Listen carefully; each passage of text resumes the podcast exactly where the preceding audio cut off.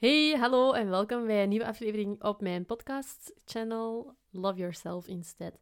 Vandaag wil ik het eigenlijk hebben over iets waar veel is aangevraagd en waar ik ook wel van zie dat dat een onderwerp is waar dat velen van jullie interesse in hebben.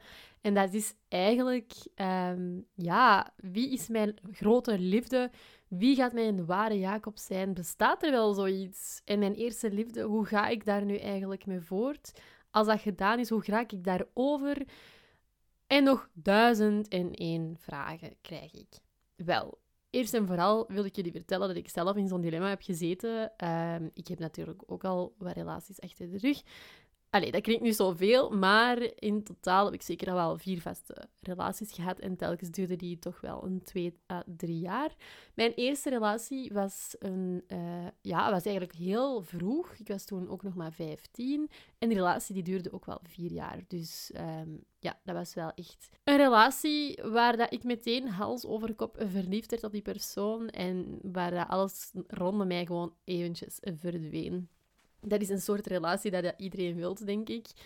Um, dat loopt helemaal goed, tot op een bepaald moment dat dat niet meer goed loopt en dat dat stuk gaat. En dat gevoel op die moment is echt een gevoel dat ik herinner als gisteren. Dat is iets wat dat niemand wil meemaken. En het gevoel alsof dat je hart uit je borstkas gerukt wordt. Uh, je hebt geen honger meer. Je voelt je zo verdrietig. Het enige waar je aan kunt denken is die persoon en hoe graag dat je terug zou willen gaan naar die persoon. En dat kan niet, want het is gedaan. Van nu, hoe moet ik verder?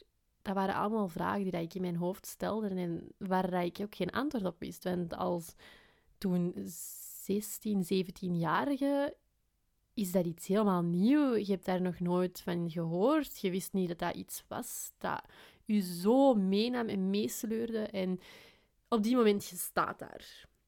Wat gaan we doen? Bij mij was dat echt heel heftig. Ik moest nadien op vakantie vertrekken met mijn ouders. Een vakantie waar dat hij normaal gezien ging meegaan. Je komt dan in een auto, je rijdt naar je bestemming of je gaat met het vliegtuig, maakt al niet uit. Ehm, en ik zat daar in een auto te wenen als 16-jarige of 17-jarige, ik weet het eigenlijk niet meer exact. Maar ik weet nog dat mijn mama zei, maar dat komt wel goed en je gaat daar wel door geraken en, en alles komt in orde. Maar dan komt je aan in dat hotel waar het er een kamer was voorzien voor jullie met twee en je ligt daar ineens alleen en dan wordt het gewoon echt wel werkelijkheid en kun je er gewoon niet meer omheen dat het gestopt is en dat je de persoon kwijt bent waar jij van, denk, waar jij van dacht dat dat jouw persoon ging zijn voor altijd. Wat dat eigenlijk heel rooskleurig gezien is, want op die leeftijd ben je nog zo jong en heb je nog zoveel mee te maken in je leven, dat dat bijna ja, iets is dat niet meer veel voorkomt. Mensen dat vanaf die leeftijd samen blijven voor, voor altijd eigenlijk en kinderen krijgen. Maar ja, op die moment lijkt dat alsof dat je wereld vergaat. En je moet daar zien over te geraken. En hoe gaan we dat doen? Geen idee. Gewoon doorgaan die persoon aan de kant zetten, proberen om niet te vergeten. Wat dat mij heel hard hielp, was um, telefoon pakken en alle foto's eigenlijk verwijderen. Dat is iets wat ik meteen heb gedaan, waar ik achteraf ook wel spijt van had. Want dat zijn toch ook wel herinneringen die dat mooi zijn geweest. Je eerste vriendje, dat is toch iets speciaals. En dat was gewoon allemaal weg. Dat is ook allemaal weg. Ik heb daar uh, eigenlijk geen foto's niet meer van. Um, ja, wat zou ik er nu nog mee doen? Niet veel natuurlijk. Maar op die moment, achteraf, dacht ik wel van, ik had dat misschien niet meteen moeten doen. Maar wat, dat is dus gebeurd. En, en je komt thuis na die vakantie. Die vakantie was eigenlijk redelijk goed gelopen. Um, ik heb natuurlijk wel momenten gehad dat ik dacht van, oh, wat is deze? En ik zit er helemaal onderdoor. Maar toen ik thuis kwam, stond hij daar voor mijn deur. En had hij toch wel even behoefte om te zeggen, ik wil terug in je leven zijn.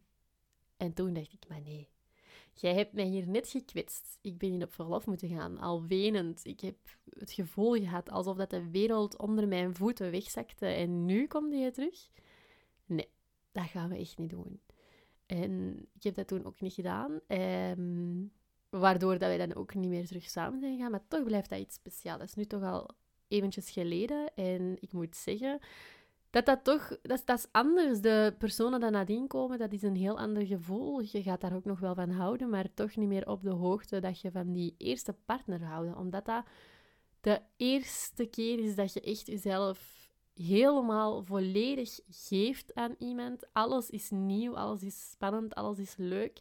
En wat je nadien ervaart, is gewoon een beetje meer monotoon of zo. Ik denk dat je ook, terwijl je volwassen wordt, dat je meer gaat beseffen dat dat allemaal niet zo vanzelfsprekend is en dat je wat meer moet werken voor je relatie tegenover toen. Ja, je was jong, je moest niets doen, je moest niet gaan werken, je kwam aan school. Het enige waar je nou aan moest denken was ah, wanneer zie ik hem deze week of, of in het weekend? Tegenover de relaties nu, dat is natuurlijk helemaal anders. Je zit in een andere levensfase. Ik werk al, ik ehm, woon nog wel altijd thuis, maar ik ben wel op zoek om alleen te gaan wonen binnenkort. En ik wil voortgaan met mijn leven. Je gaat dingen moeten betalen, eh, financiën moeten regelen. Je hebt een auto waar je voor moet betalen, waar je voor moet werken. Dus dat is allemaal niet meer zo makkelijk tegenover vroeger. Waardoor dat je ook een ander gevoel gaat krijgen bij elkaar, denk ik. Nu, de vriendjes dat ik nadien heb gehad, daar had ik eigenlijk redelijk snel wel het gevoel bij dat het helemaal niet zo was. Omdat ik ook wel het gevoel een beetje bleef vergelijken met het gevoel dat ik ooit had ervaren, had mogen ervaren. Ik ben daar ook heel dankbaar voor. Maar ergens baart me dat ook wel zorgen. Omdat ik wel vaak denk, ga, is dit het nu? Gaat dat gevoel van toen nooit niet meer terugkomen? En ik, ik hoop en ik weet, als je nu op de leeftijd bent van je eerste liefde en je hebt een moeilijke periode momenteel en, en het is gedaan. Ik wil u zeker niet ontmoedigen, maar dat gevoel gaat je nooit meer ervaren bij iemand anders. Of wacht, laat me voor mezelf spreken. Dat gevoel heb ik nooit meer ervaren bij iemand anders. En ik hoor dat bij mijn vriendinnen eigenlijk ook wel, dat die dat ook niet meer hebben mogen ervaren bij iemand anders. Het is natuurlijk hoe dat je daar zelf in staat. Hè. Als je een eerste vriendje hebt gehad en dat was een relatie van een maand, ja, dat gaat natuurlijk helemaal anders zijn dan een relatie van vier jaar. Dat kan je niet goed vergelijken. Maar ik heb het echt over die relatie waar je zelf helemaal geeft aan iemand, waar dat je jezelf helemaal smijt in de relatie. En ja, dat voelde echt toen alsof dat de wereld gewoon onder mijn voeten aan het zweven was. En ik, ik voelde mij precies heel de tijd echt heel goed in mijn vel tegenover nu. Dat gevoel, dat, dat, heb ik nooit niet meer gehad eigenlijk. Dat is, dat is iets heel raar. Ehm, maar ik denk dat dat ook wel ergens bij het volwassen worden hoort, natuurlijk. Um, waar ik het graag nog over wou hebben, was ook red flags herkennen. Hoe doe je dat? En wat heeft dat te maken met je eerste liefde of niet? Wel, mijn eerste vriendje, ik zeg het, ik was daar super verliefd op. En ik had eigenlijk niet door dat er wel red flags waren, want je bent daar helemaal nog niet mee bezig op die leeftijd. Maar ehm, de volgende vriendjes had ik wel snel door. Oei, dat zit hier toch niet zo helemaal zoals het zou moeten zijn. Of die persoon die doet dit bij mij en ik vind dat eigenlijk echt totaal niet fijn. Of ehm, er gebeurt daar iets, er wordt daar iets gezegd waar dat ik totaal niet mee eens ben. En ik word daar dan voor uitgescholden en die behandelt mij slecht. Ik kan u meegeven, als je bent aan het daten met iemand en je denkt, goh, daar zit wel iets waar dat ik van denk dat dat later een red flag kan worden, run. Echt lopen gewoon. Want heel vaak wordt dat genegeerd. En ik ben daar schuldig aan. Ik heb dat ook heel vaak gedaan, dat genegeerd. Maar hoe verder dat je vordert in de relatie, je moet altijd in je achterhoofd houden, een persoon gaat in het begin heel veel moeite voor je doen, want die wil je overwinnen. En die wil er voor je zijn en die gaat doen alsof dat hem de beste is, of zij de beste is van, van heel de wereld, alsof dat er niks fout kan gaan. Die gaat er altijd voor je zijn en het perfecte plaatje gaat die voordoen. Maar niemand is perfect. Ik zelf ben ook niet perfect. En hoe meer dat de relatie vordert, of hoe meer dat, dat je aan het daten bent met elkaar, begin je toch al wel een beetje te ontdekken waar dat iemand zijn negatieve kanten zijn. En geloof mij, iedereen heeft negatieve kanten, maar bij de ene uitzicht dat gewoon wat meer dan bij de andere. En je moet daar echt wel eens over nadenken of dat je dat ziet zitten om daar de rest van je leven mee om te gaan. Want als je antwoord daar nee op is, dan moet je dat ook gewoon niet mee beginnen. En dan moet je aan jezelf kunnen toegeven, kijk, dit en dit is iets wat totaal niet matcht met mij, dus het gaat, gaat niet werken. Ik heb in vorige relaties echt wel gehad dat ik daar door heb gekeken en dat ik dacht, ja, maar ik heb zo nood aan iemand in mijn leven en ik wil niet alleen zijn en ik... Weet je, ik doe het gewoon wel. Ik stap mee in die relatie en ik ga daarvoor. En ik ben een persoon dat heel empathisch is en ik geef heel veel aan mensen. Dus vanaf dat ik daar echt in geïnvesteerd ben in die relatie, dan geef ik mezelf echt 100%. Waardoor dat ik mezelf ook wel echt vaak kwijtraakte. En dat was dan vaak het gevolg bij uh, een van mijn vorige relaties. Dat was echt een narcist op en top. Absurd. Dat was iemand die dat alleen maar dacht aan zichzelf, waar dat ik gewoon niet toe deed. Allee, hij deed wel alsof dat, dat zo was, maar als het erop aankwam, dan was hij altijd de beste en ik was de slechtste en ik was niet knap genoeg en ik zag er niet fit genoeg uit en ik was te saai en als ik dan iets ging doen, dan was ik ehm, te veel aandacht aan het zoeken van andere mensen. Het was altijd wel iets als ik iets deed. Ehm, en ik dacht daar eigenlijk nooit over na, maar hoe meer het die relatie vorderde, zeiden mijn families en alleen mijn familieleden en mijn vriendinnen toch echt wel van... Kijk, Ash, ik denk eigenlijk niet dat dat iets is voor u. En hoe dat hij nu behandelt is echt niet oké. Maar je zit in die relatie en je staat daar echt niet bij stil. Want je bent eigenlijk alle perspectief bent verloren. Dat ben je kwijt. Want het enige wat er op die moment is voor u, is die partner. En je zit in die kokon en je wilt niet terug in die leegte vallen. Je bent elkaar gewoon, je kent elkaar door en door, je kent elkaars familie. Je wilt niet terug alleen vallen. En dat is het enige waar ik heel de tijd aan dacht. Terwijl dat ik mezelf gewoon echt ongelukkig maakte. Want op de duur ging ik dat geloven, dat ik niet goed genoeg was. En ik ging geloven dat ik lui was en dat ik niks kon. En dat ik uh, niet gemaakt was voor nieuwe mensen te leren kennen. En dat ik niet meer op social media mocht posten. En allee, hele stomme dingen waar dat ik nadien echt over dacht. Hoe heb je dat niet kunnen zien? Maar ik zeg het, je denkt daar echt niet zo over na dat hij je zo behandelt. Tot op een bepaald moment dat dat echt gewoon te veel wordt en dat je dat hebt laten aanslepen en je hebt geluisterd naar je familie en naar je vrienden. En je begint zelf in te zien dat dat echt niet meer zo verder kan. En dan, als ik daar echt heel veel heb over nagedacht, dan ben ik ook wel echt iemand dat direct kan zeggen: Oké, ik kuis mijn schub af en het is klaar. En ik kijk ook niet meer achterom.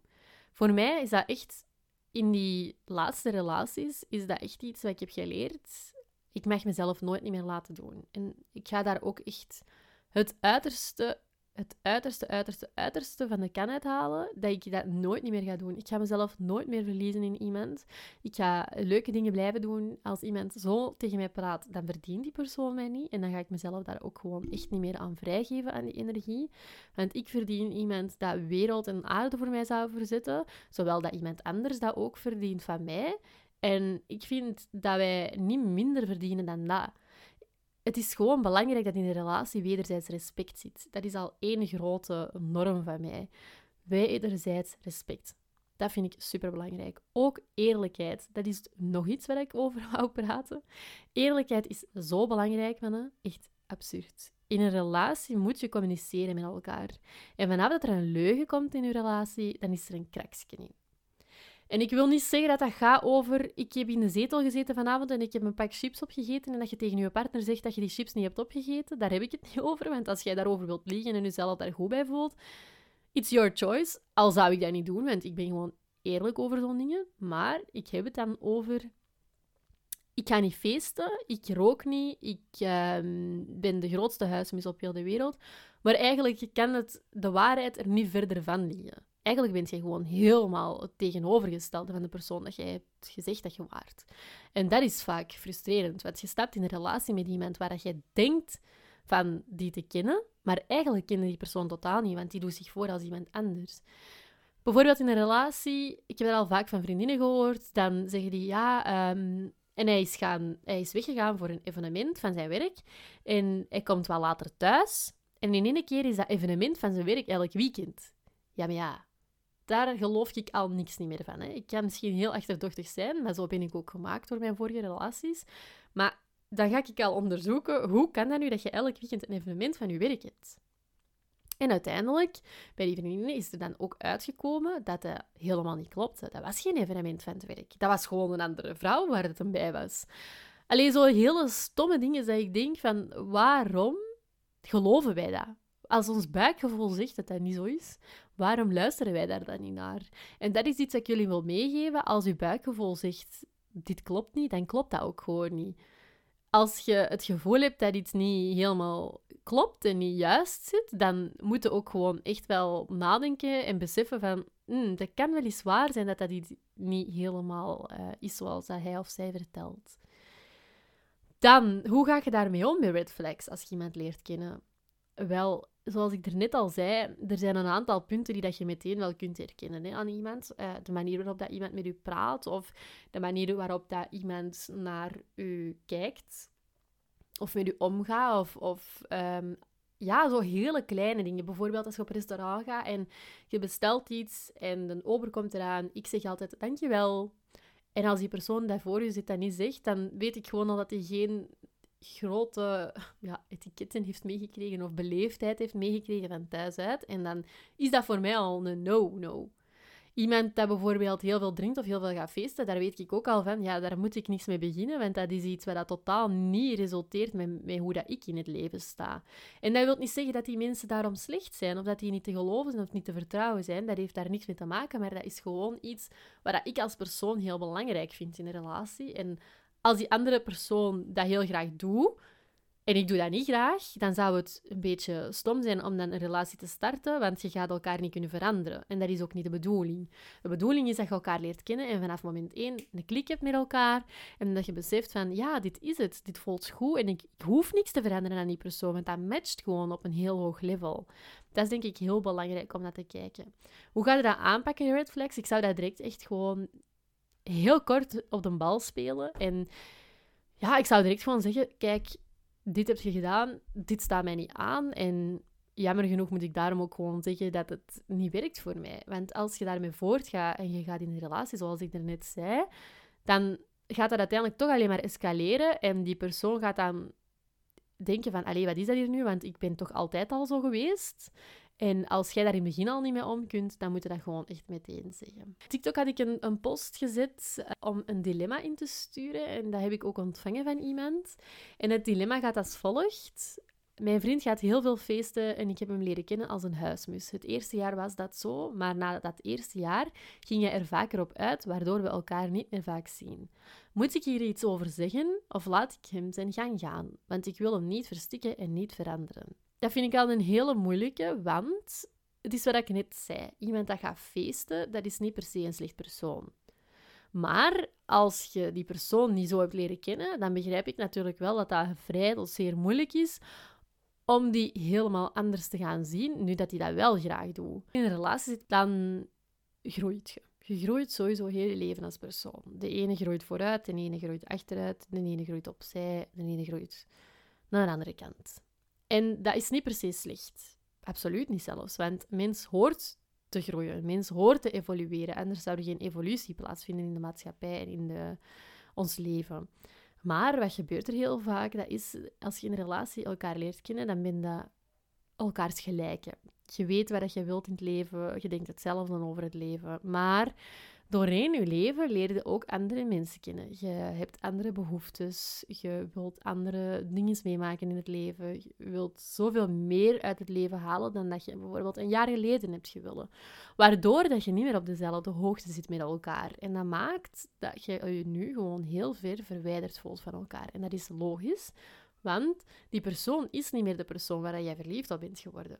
Maar ik denk dat het dan eens belangrijk is om te gaan communiceren met elkaar van wat is hier nu juist veranderd en waarom heb jij die nood om dat te gaan doen? En waarom stoort dat mij zo hard? En waarom durf ik daar niet eerlijk over zijn? Dat is iets waar je eerlijk en open over mocht zijn, want als dat u niet aanstaat en dat is niet de manier waarop dat jij je leven wilt leiden, dan vind ik dat ook heel jammer dat je dan in zo'n situatie nu zit. Ik zeg niet dat je je partner moet gaan dumpen of dat je de relatie moet gaan beëindigen, maar als dat meermaals per week voorkomt en in het weekend ook, en jij bent totaal niet zo en jij wilt dat ook niet, dan denk ik niet dat jullie op deze moment nog de juiste mensen zijn voor elkaar. Dat is even mijn mening. Ehm, maar ik denk gewoon dat jullie een beetje van elkaar zijn gegroeid in plaats van met elkaar. En dat is ook helemaal oké. Het is de manier waarop dat je ermee omgaat, dat is belangrijk. En als je daar niet over communiceert, kan hij ook niet weten dat dat jou stoort of dat je daar ja, of dat je dat lastig vindt. Ik vind dat een beetje moeilijk om daar mijn oordeel over te geven, omdat ik natuurlijk jullie relatie ook niet ken. Ik ken jullie als persoon niet. Ik kan alleen maar zeggen wat ik ervan vind. En ik ben wel iemand die dat daar open over zou communiceren, juist omdat ik zou willen weten waarom dat, dat net zo is. En wat er dan is veranderd in de relatie, waardoor dat hij daar behoefte aan heeft.